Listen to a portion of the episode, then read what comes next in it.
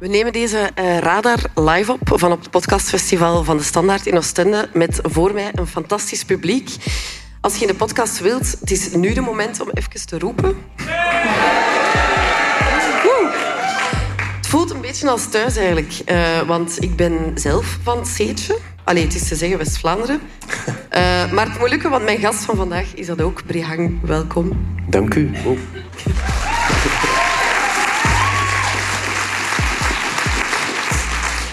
Eigenlijk zou je er hier in het West-Vlaams kunnen klap, nee? Ik, ik, ga dat, ik ga dat doen, maar ik, ik, spreek mijn eigen taal. eh, Dus Ja, goed. Ik zie toch al wel wat mensen wat raar kijken. Dus voor iedereen die de zaal gaat uitlopen, wat ze mij misschien niet zouden verstaan, ga ik toch maar weer switchen. Welkom bij Radar.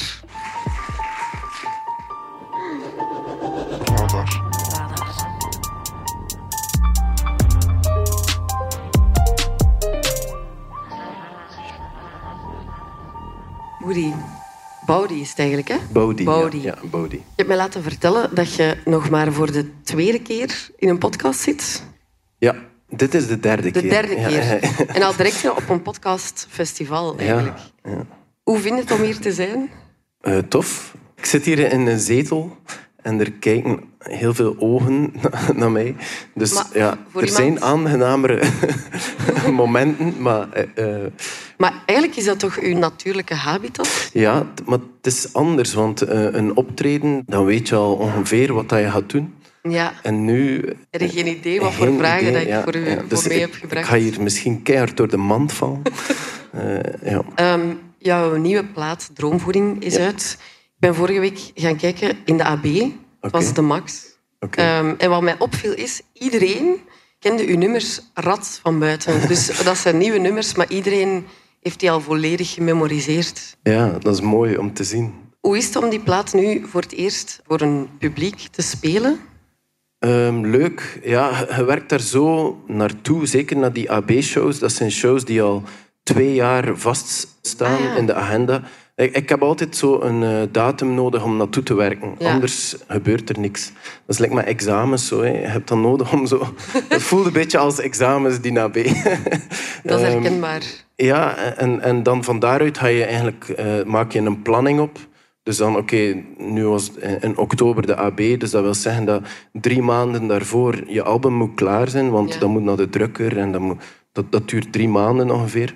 Dus dat wil zeggen dat mijn plaat klaar was in juli ongeveer. Dus dan, dan weet je, oké, dan moet die klaar zijn. En dan moet je ergens daarvoor beginnen aan die plaat natuurlijk. Ja. En eh, ik ben zo iemand die dat altijd zo heel lang uitstelt. en dan, ah, ja, en dan oké, nu moet het echt wel gebeuren.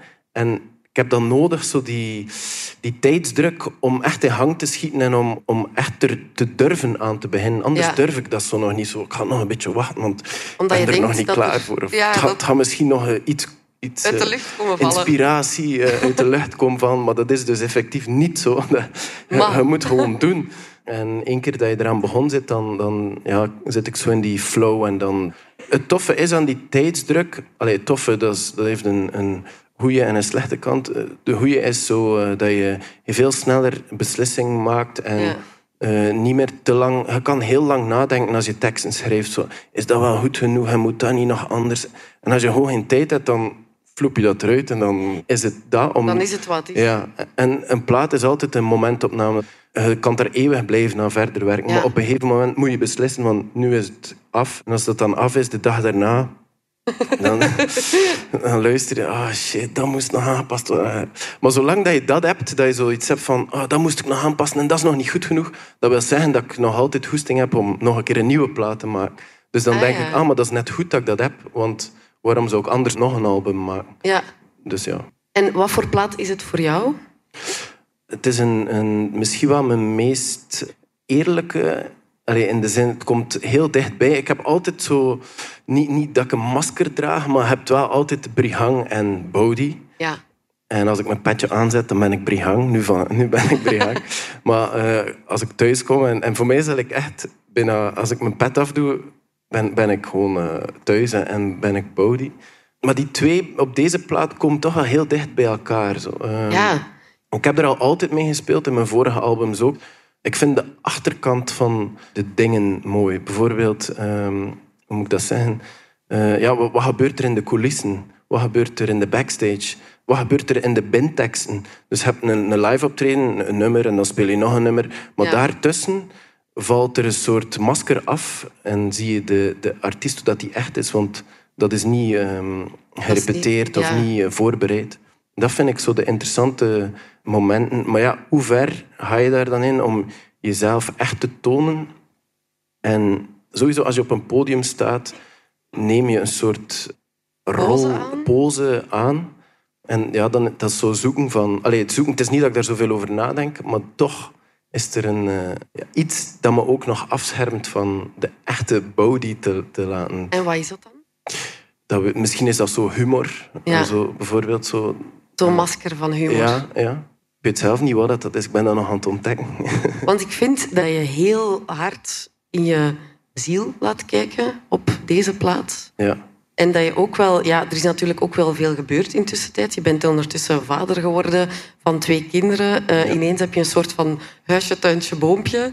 Lijkt wel of je een soort van document van je leven hebt gemaakt. Ook om een soort van documentaire eh, aspecten zelfs. eh, met, met je dochtertje die Ja, op te horen de, is. de geluidsopnames die erin... Wel, dat wil ik nog zeggen. Ehm, ik heb dat al in elke plaat gedaan. Zo de, eigenlijk, noemt dat? Field recordings van, Ja. van ons huis, van de omgeving waar ik dan woon. Of, ja, dat is weer die achterkant. In mijn eerste album, Zo Lang Mogelijk, heb ik dat ook gedaan. En dan, dan heb ik like, in een soort... Ik had zo'n een cameraatje gekregen voor mijn eh, plechtige communie. Ja, ik heb mijn plechtige communie. en ehm, en dat, dat had zo'n heel slechte kwaliteit.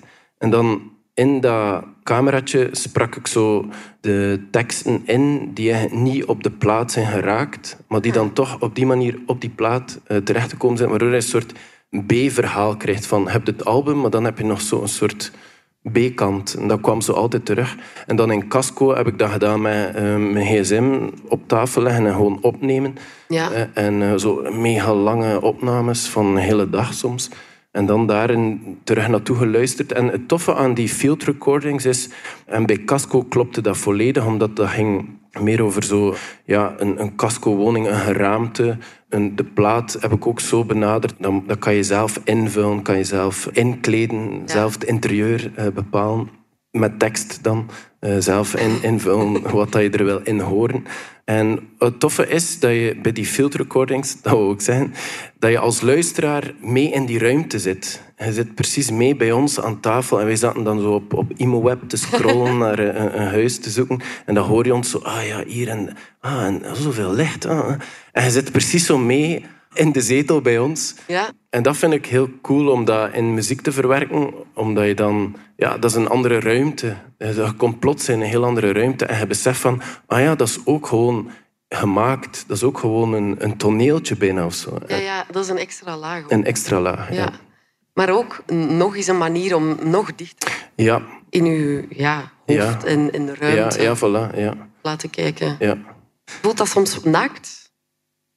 Of heb je Eh. zo het gevoel van het publiek mag, mijn luisteraars mogen ja heel ik- dicht komen? Ik heb niet echt iets weg te steken of iets te verbergen. Ik heb natuurlijk mijn privé dat ik niet wil.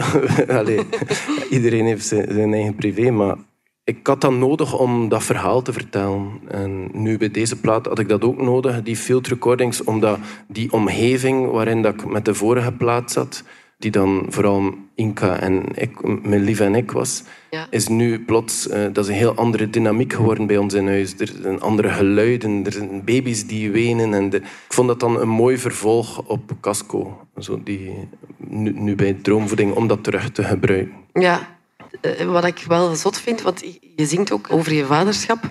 Bloed eerlijk, in accepteren zing je vrij onverbloemd. Ja, Je leerde mij van alles, maar je pakt ook zoveel af ja, over je dochter. ja. Ja, dat nummer, de eerste track accepteren, dat was ook voor mij nodig om dat nummer te schrijven. Ook voor mezelf, om te accepteren van oké, dit is nu gewoon de nieuwe situatie waarin dat je zit. Accepteer het, aanvaard het. Dit is mijn Eh, leven nu. Dit is nu, ja, ja, voilà. En dat had ik nodig om dan te kunnen verder gaan met die plaat. Want ik dacht in het begin, oh nee, ik ben nu vader geworden. Ik ben nu dertig Oh geworden. no. Ja, moet ik nu daar een plaat over maken? Zo over eh, ja, dat ik kinderen heb gekregen. Oh nee. Maar ik moest dat gewoon, ja, ik, ja, het was echt een verwerkingsproces. En één keer dat dat gebeurd was, dan kon ik de rest ook zeggen. En de rest op de plaat, ik leg dan af en toe wel terug een knipoog naar het vaders, ouderschap. Dat is gewoon ook, dat, dat beheerst gewoon mijn leven ook Ja. op dit moment. Dus. En ik heb altijd geschreven vanuit ja, mijn eigen ervaring of, of mijn eigen eh, beeld op de wereld of op mezelf. Dus ik moest, er gewoon, moest gewoon accepteren dat dat zo was. Ja. En ik kon het daar niet, niet over hebben. Dus, Ja. Wat ik me dan wel afvraag is, net omdat dat zo'n doodeerlijke teksten zijn, dat gaat over u, over uw gezin ook, moest mijn lief ineens beginnen rappen over onze relatie. Ehm, ik zou dat nog wel... Allee, hij zit in de zaal, niet doen. Ik zou dat nog wel intens vinden. Heb je daar dan gesprekken over met uw vrouw? Leidt dat tot discussies? Ehm, ja, ja som- soms. Maar ik hou dat heel lang voor mezelf, die muziek. Heel lang. Eh, tot op een gegeven punt dat ik zoiets heb van... Oké, nu wil ik een keer iets laten horen. En dan heb ik zo bepaalde mensen rondom me. Mijn vrouw is daar een van mijn ouders. En, en Janus, eh, een goede maat... waar ik heel, heel mijn studententijd mee heb samengewoond. En dan laat ik dat horen aan hun. En dan zie ik wat dat zij zeggen. Of, of ja... Nu bij deze plaat, bij Droomvoeding, als ik dat dan liet horen aan mijn vrouw, dan eh, zei ze... Je bent wel echt alles aan het zeggen. hè." Zo. het is... Amai, ja. Wa- Want zij wist wel hoe dat ik mij voelde, of, of ja, door alles, door ja, die jaren heen. Ja. Maar ze heeft dat nog nooit zo in woorden gehoord. Ja. En dat was nu voor de eerste keer dat ze dat in woorden hoorde. En dus dat, dat was voor haar ook zo... Amai, dat is wel... ja. ja, als een soort van brief, ja, ja, eigenlijk. ja, inderdaad. maar dan op muziek. Ja, ja. En hoe, hoe, ehm, wanneer stuur je dat dan ook door naar je ouders? Als ik daar een keer ben, eh, dan, dan vragen ze... En je al iets... Kunnen we niet al een keer een previewtje horen? dat was nog niet, nog niet, nog niet. En dan... Allee, ho, het is goed. Dan heb ik zo'n Soundcloud-link. Zo'n een, een, eh, verborgen link. Eh, en dan... ehm, dat nummer accepteren heb ik dan ook laten horen als eerste. Zo, en dan een keer kijken naar hun gezicht. Wat ze daarvan... En ehm, er is zo'n zinnetje ook in, eh, het nummer. En daar zeg ik... Soms zou het makkelijker zijn zonder jou. Ik probeer nog te begrijpen hoeveel dat ik van je hou. Zo, soms zou het makkelijker zijn zonder jou naar mijn, naar mijn dochter dan. En dan mijn ma, die zei direct als ze dat hoorde... Maar dat mag je niet doen, dat mag je niet doen. Nee, nee. Dat, allee, dat, dat kun je toch niet... Het hart van de grootmoeder. Ja. En dan eh, keek ik naar mijn pa en die was zo even stil zo. En die zei, ja... Ja, maar ja... Ik ken, dat, ik ken dat ook soms gedacht. Ik ken ook die gevoelens gehad. Maar ik ken dat misschien niet uitgesproken. Maar ik heb dat ook soms gedacht. En dat vond ik genoeg om zo... Ja, ik ga het toch laten staan. Ik Ja. ga toch dat daarop laten. Omdat...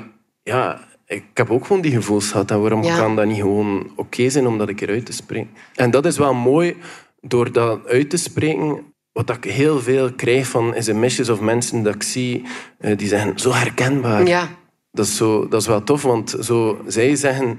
Ja, we zijn like, niet alleen, maar ik weet ook dat ik ook niet alleen ben. Dus dat werkt zo in twee, in twee kanten. Ja. Ehm, ja, dat is wel mooi dat dat... Ja. Ja, en het zijn bijna, als je dan zegt dat je, dat je vader daar naar luistert en dat er een gesprek begint daarover, Ja, ja. bijna zo gesprekstarters. Ja. Ja. Ehm, het is ook echt een dertigersplaat, eigenlijk. Hè? ja, ik was daar wel bang voor. Eh, Zo, oh nee, had dat niet ook zo'n plaats zijn dat alleen mensen die kinderen hebben of, of, of die dertig zijn die dat Huizen alleen... Ja, gaan zij dat niet alleen? En zij gaan hen daar misschien sterker in herkennen. Maar ehm, de producer eh, die veel van de nummers heeft geproduceerd, Alois Maddens, die is nog maar 21. Ik heb die zo ontdekt eh, onderweg. Zo. Die, die zit nog op school en zo. Die studeert muziekproductie ook. En, en, dus dat was ook een, goed, goede maatstaf. Zo. Ik ga dat een keer aan hem laten horen. En dan vroeg ik zo, en kan hij jou daar eigenlijk in vinden? En zo, ja, ja eigenlijk wel. Allee, niet dan, ik heb geen dochter of zo, maar ik hoor daar ook wel dingen in dat mij inspireren of, of dat mij raken. En die Eh, universeler zijn. die universeler zijn. Dus dat was voor mij ook zo, ah oké, het is universeel genoeg. Ja. Dus ehm, Ja, Ja. want wij zijn allebei dertig. Ik heb nog geen kinderen, maar ik kan mij ook Allee. heel goed... maar sinds uw muziek ben ik daarover aan het nadenken. Nee, maar het is wel de eerste keer dat ik dacht... Ah ja, je, eh, eh, er wordt niet verbloemd. Je Ja. zegt van... Ja, ja, maar eenmaal dat de kinderen er zijn... Ja. ga je er verliefd op worden. En, ja. ehm, Maar dat is ook wel zo. Hè. ja, ja, Maar, eh, maar je maar- geeft ook toe... Ja. Het is ook soms gewoon kut. Ja, en dan mag het ook ja. zijn. Ja, zeker. Maar dat is ook het gesprek dat ik altijd heb met vaders of, of vrienden die, die ook van zo... Ja, amai, het is echt zwaar. Het is echt... En die zijn er dan uit, een zombie. We zijn er allemaal zombies uit. En dan, oh ja, ja, het is echt... Maar het is ook zo schoon. hè. Oh ja, ja. En, als ze dat, zo, en altijd zo... En dan, we gaan een beetje over dat mooie babbelen. Want... eh, en dan wou ik... Ja, nee. We, moeten nog net babbelen over, ja, over, eh, over de, de minder leuke kant. Dat kan toch Ja. Nog meer verbinden of zo. Eh, ja. Ja, ja, ik denk dat heel veel mensen dan denken, ah, ik ben niet alleen. Ja, ja. Er zijn ook nummers die mij een soort van spiegel voorhielden. En ik denk eh, voor veel mensen, bijvoorbeeld nummer Berg vind ik heel straf, omdat dat gaat over een vraag waar heel veel mensen mee zitten van ikzelf ook, hoe ambitieus Ja. mag je of moet je eigenlijk zijn? Is het oké om soms blij te zijn of vrede te nemen met een bepaalde structuur en routine? Is dat iets wat bij jou nu heel veranderd is? Sinds de kinderen of sinds het begin dat je, had je zo het gevoel van oh, ooit was ik avontuurlijk en nu zit ik hier? Nee, dat- eh, ik weet niet of dat, dat nummer daar voor mij dan echt zo over gaat. Dat is eerder zo, ja, zo altijd dan meer willen. En, en ook in de, in de muziek dan. eh, je wilt muziek uitbrengen. En oké, je doet dat voor jezelf. Maar dan zou je het niet uitbrengen. Je doet dat ook om, omdat je daar... Ja, je, wil, je wilt ermee naar buiten komen. Je wilt dat mensen dat horen. Dat, dat Ja. mensen dat leuk vinden. En dan inderdaad die ambitie, hoe ver reikt dat zo? Wil je dan de wereld gaan veroveren? Wil je dan... ehm, of wanneer zeg je, hé, maar de heuvels...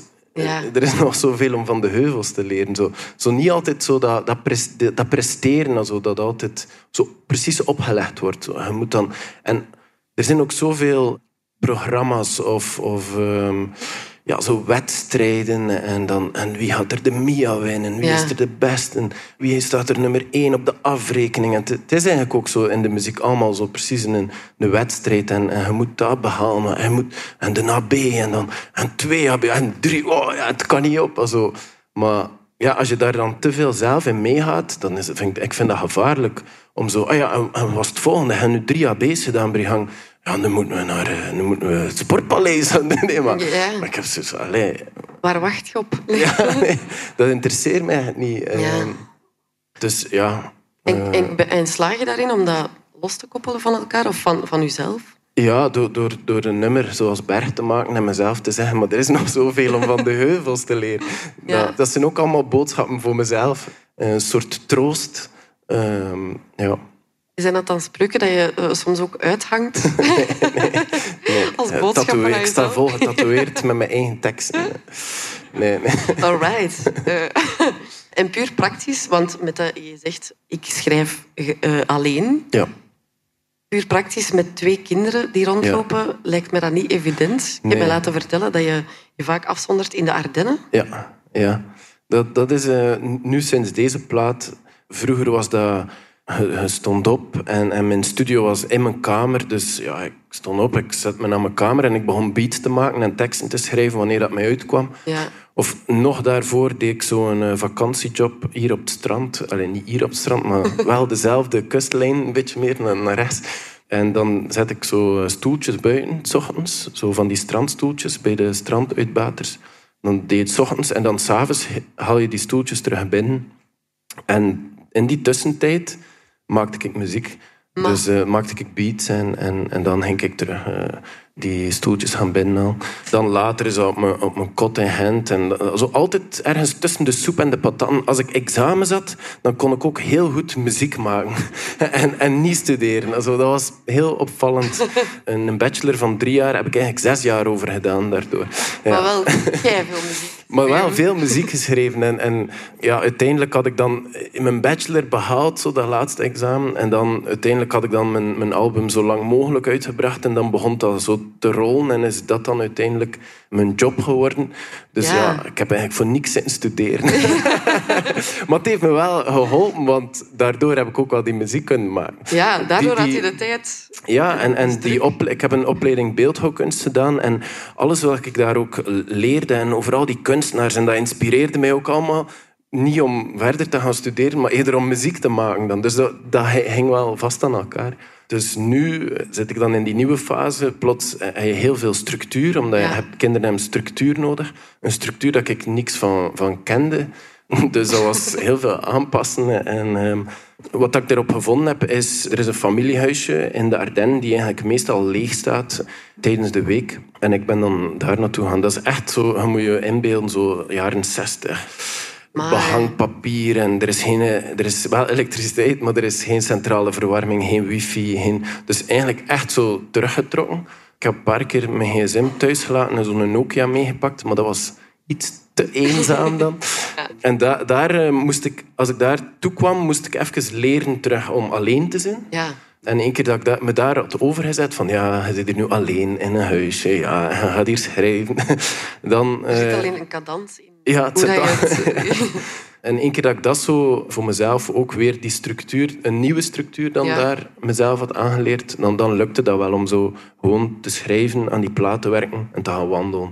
En dan, de, meestal was dat van maandag tot donderdag ongeveer. En dan kwam ik terug thuis. En, eh, het idee was dat ik dan helemaal thuis kon zijn en de plaat kon loslaten. En, maar dat, dat werkt niet zo. Dat is geen 9 to 5. Je kunt dat niet loslaten. Dat is gewoon Nee. constant in je hoofd aan het malen. En, aan het- en, en mijn vrouw heeft er wel veel van afgezien, sowieso.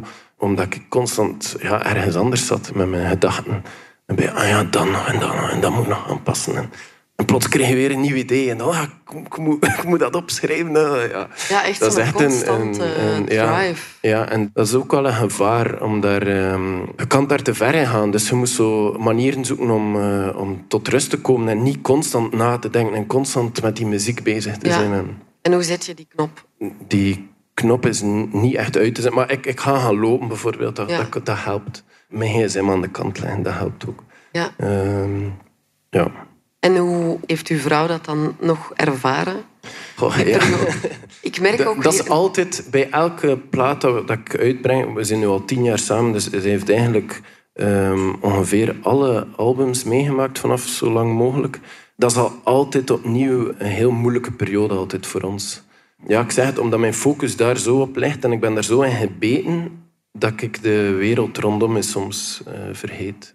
En ik weet dat, maar ik heb nog altijd niet een manier gevonden om dat te combineren of, of om iets meer aanwezig te zijn. Ja. Inka zegt dan altijd, ja, je, ze- je bent hier wel fysiek, maar met je hoofd ben je niet hier. Ja. Eh, en daar gaan ja, veel discussies en veel over praten. En, eh, ja. ja. Maar heel veel eh, schone woorden ook, bedankwoorden, ook tijdens eh, de Ja. show in de AB. Ja, ja, het zal wel. Ja. Al, al die escapades dat ik gedaan heb naar de Ardennen, Inca was dan wel thuis, ook Ja. voor de kinderen onder andere aan het zorgen. Maar ja, ook gewoon heel alles runnende houden, gewoon, dat ik mijn ding kan gaan doen. Ja. Maar ja, we, we hebben dat natuurlijk zo op elkaar afgesteld en dat was onze afspraak. Maar het is daarom niet makkelijk of zo. ja. Ja, ja, ja. Om de grote biergang te combineren met Ja, gezinsleven. ja, Ehm, is het ook, gewoon mijn petje afdoen en dan... nu ben ik er eindelijk thuis. Is het ook in de Ardennen dat je op het idee bent gekomen om je platen op de markt te gaan kopen, want, eh, verkopen?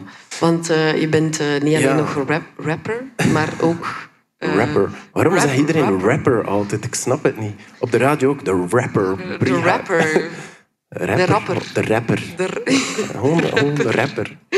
Ehm, maar ja, je bent ook marktkramer nu. Ja, ja, ja, officieel. Ik heb echt een leurderskaart. Hè. Dus Ah, echt? ja, ik heb echt een kaart, ik heb een, een verzekering daar moeten af. Dat is niet makkelijk om op de markt te gaan staan.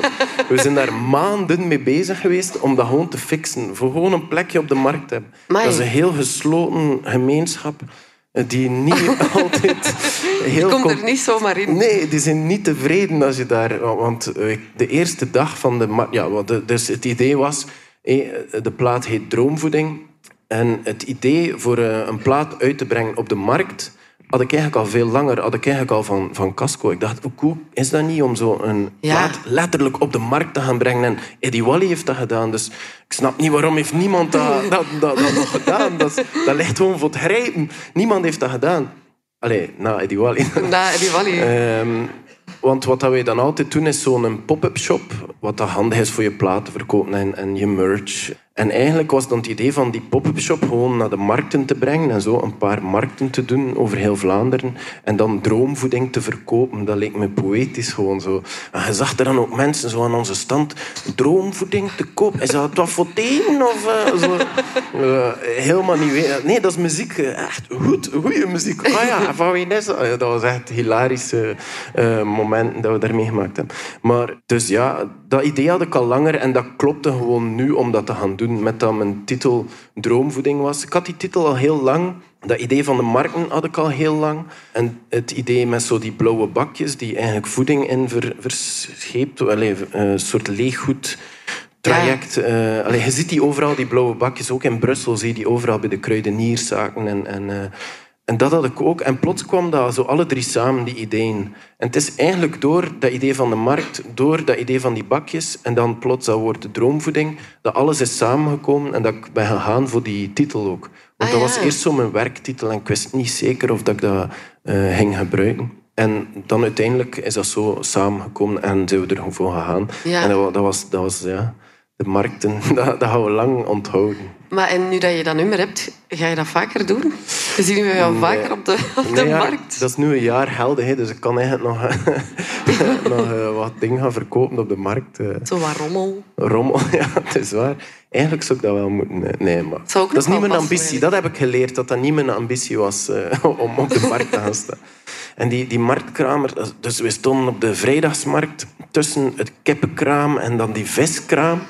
En die, wij zo alle twee, ja, zo pijn in onze buik. Van, wat is dat zo misselijk? En plots hadden we dat door. Dat is gewoon constant die geur van die kip en die geur van...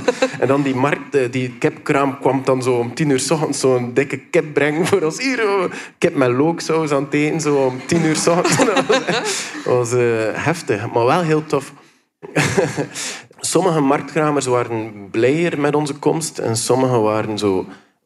Want er stond echt zo lange rijen en, en Ja. dat stond dan voor in de kraam en daar konden die, waren die niet content mee, omdat ja... Ah ja. Er stond zo'n hele lange rij voor in de kraam en zo, wat is dat hier, en wie is dat? Muziek? Maar muziek, wat doe... Eh, je moet dan wel een keer een liedje zingen, nee, want eh, als dat hier zo goed is... dan- Heb je dat dan gedaan? Nee, ik heb dat niet.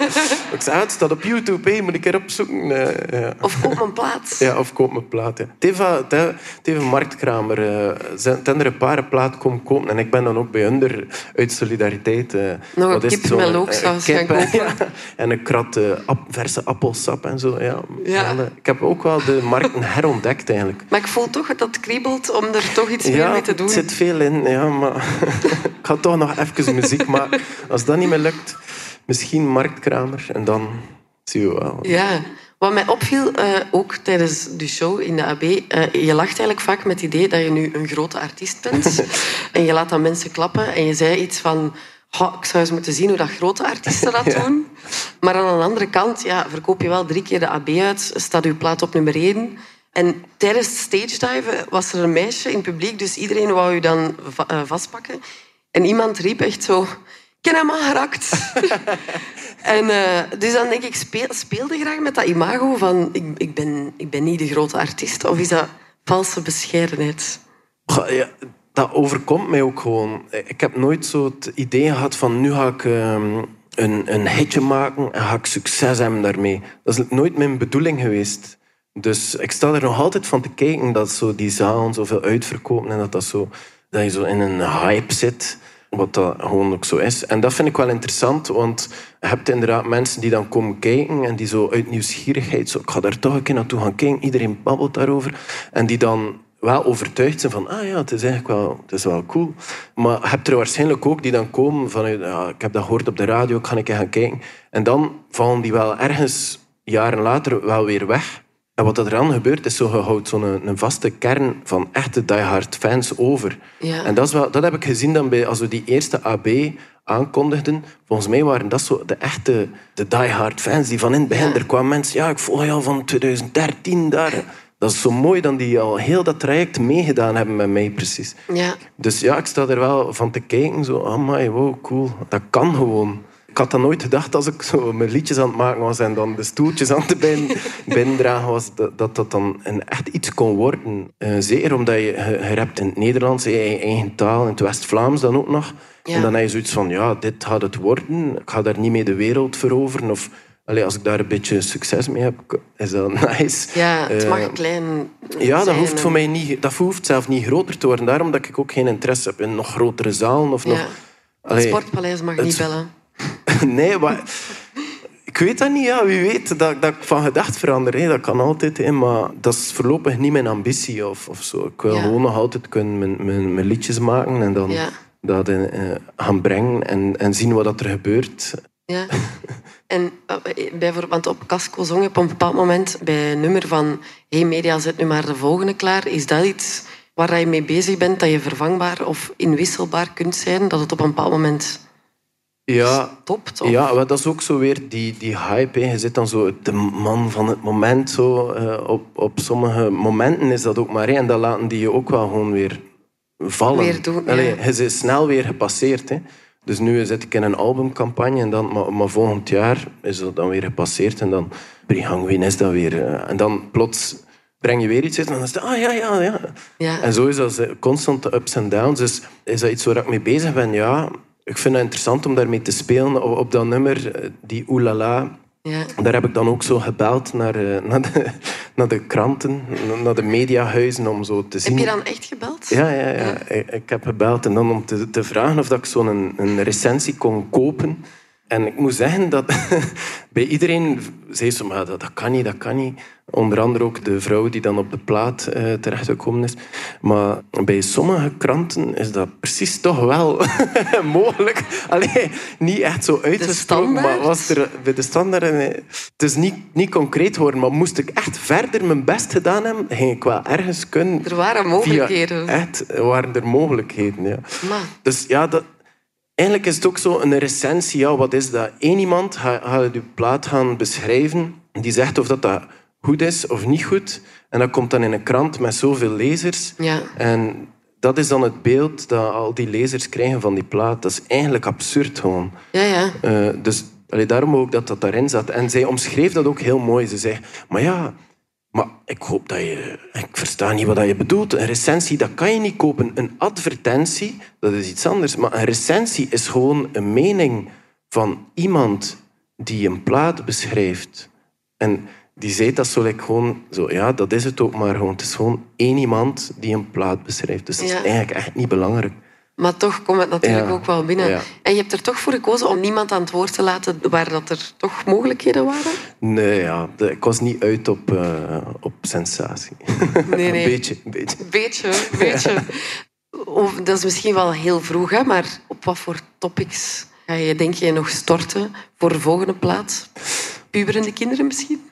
Nee, ik denk wat ik mis eh, op deze plaat misschien. eh, en als ik zo luister naar mijn hele eerste nummers, dat ik zo nog een keer op mijn computer teruggevonden heb, zo 10, 11, 12 jaar geleden, dan zat er daar veel meer humor in. En dat mis ik misschien wel nog. Zo, zo, ehm, zo iets meer speelsheid. Zo de spielerij. dat, misschien in Duits. In Nee. Duits. Oh, dat in is- Duits. Ja, dat- toch die, toch die wereld veroveren. nee. Of Duitsland dan toch? Ja, ja. Nee, ehm, zo meer het eh, speelse. eh, Zo teruggaan naar het moment, eh, naar die hele eerste momenten dat je zo vanuit die onbezonnenheid muziek bent beginnen maken. Zo, dat, dat terugvinden. Zo. Het moment dat, denk er niet dat- per se een, een machine... ach- Allee, nee, ja. dat niet, maar... ik wil nooit dat er een machine achter Nee, zit. nee. Ik wil nooit dat dat een soort... Ik zit ook niet bij zo'n major label. En, en ik heb er wel gesprekken mee gehad, omdat ik dat interessant vind. Weer die achterkant van de, van de ding. Ik vind, Ja. als artiest moet je heel goed weten, vind ik... eh, wat dat auteursrechten zijn, wat dat managers doen, wat dat de label doet, hoeveel Ja. procenten dat ze daarvoor pakken en zo. Ik hou dat allemaal heel goed in de gaten en ik weet heel goed naar waar dat elke euro gaat. Zijn in West-Vlaanderen. Dat wel zin. Maar, ehm, dus dat, dat, dat weet, ben ik me heel goed van bewust. En ik heb dan ook wel die gesprekken gehad met zo de, de grote labels. En die leggen dan zo dikke voorschotten. En, Ja. Maar in mijn ogen is dat niet interessant. Dat is een voorschot. Dat is eigenlijk een, een lening. De, allee, ja, dat is een ander- je moet dat op een bepaald moment terugbetalen. ja, het is dat. Ehm, dus ik hou dat ook allemaal dicht bij mij, dat ik veel zeggenschap heb. Van, en dan heb je zo'n maffe ideeën van, ik wil op de markt gaan staan. En Dat zijn toch wel kan spielerijen. Dat is, dat is wel die spielerij terug, Ja. inderdaad. Ja. Dus, eh, eh, Dus ik zoek, ik zoek het wel nog op. Hè. Maar ja, ook dat telefoontje is ook zo... eh, ik heb zo een nummer telefoontje op de plaat. En dan hadden we een idee, ja, wat gaan we doen voor promo? Gaan we een videoclip maken? Maar voor deze plaat heb ik geen videoclips gemaakt, maar eerder zo op die acties, die doe-acties, die markten gewerkt. En dan dat telefoontje, een telefoonnummer online gezet, waar Ja. mensen naartoe konden bellen en dan zo het nummer ontdekten. Waardoor dat je weer een, ja, weer een heel andere spel ook krijgt. Ja. Eh, in plaats dat ik dan ehm, een nummer uitbracht, konden mensen bellen naar een nummer en konden zij iets achterlaten, waardoor dat ik eigenlijk telkens de stem hoorde van de fans die iets achterlaten. ja. Terwijl dat in een omgekeerd geval breng ik een nummer uit en iedereen hoort mijn stem. En nu kon ik zo een keer de Horen stemmen horen daar- of horen wat dat mensen er eigenlijk echt van vonden. En, en dat was eh, wel ook een toffe... Ja. Ik En vond het echt veel horen, interessanter. Oh. Ze zijn ook te horen op het nummer. Allee, ze zijn ook te horen. Ja, de eh, in de AB heb ik dan eh, een, ehm, een van die voicemails eh, laten afspelen. Een heel schone. Allee, Ja. Ik heb er duizend, duizend beluisterd. Ik heb, ik heb er eigenlijk nog 500 Zijn er nog? niet beluisterd. eh, sorry. Eh, maar ik heb ze wel nog altijd in mijn mailbox. Dus ik kan nog, eh, als ik ooit een keer nog wat tijd over heb, nog wat voicemails beluisteren. hè. En ehm, zijn dat dingen dat je bijhoudt? Ja, dat zijn wel... ehm, eh, dat gaat in mijn archief. ja. En dan op een slecht moment, als er een slechte recensie verschijnt, dan luister je dan, dan dan naar. daar naartoe luisteren. Waar, waar ga je de komende dagen nog mee bezig zijn? De komende maanden? De komende maanden, nu, nu is het zo, ehm, nu zijn ze de festivals aan het eh, bespreken en de, de boekers zijn dat dan die dat doen. Kan je Ehm, al iets verklappen? eh, nee, nee. ja, dat is zo'n pokergame dat ze mee bezig zijn. En, en dan bellen ze me soms een keer, ja, die en die. en, eh. Maar dat, dat ook, ook dat vind ik interessant om te luisteren van wat is die strategie daarachter. Want zit daar ook een hele strategie achter. Ja. Zo in die provincie spelen en zo. Maar dus daarmee. En ik heb nog een Radio 1-sessie eh, volgende week. Ja, volgende week beginnen we te repeteren daarvoor. Dan de week daarna, 22 november, is die Radio 1-sessie. Dat is sinds enkele samenwerking. Onder andere met Zwanger Guy, die ook hier eh, Ja, zat. die hier ook zat. Comme il faut en zo. Dus dat is nog even iets. En dan ga ik eventjes op reis. Aha. Ja, met de, met de family en de auto. Nog een keer naar de Costa del Sol. Super. Echt poëtisch, hè, eigenlijk. De Ja. Costa del Sol. Even eh, een, een kleine maand uit waaien of uit zonnen, zonnen. nog een beetje zon pakken.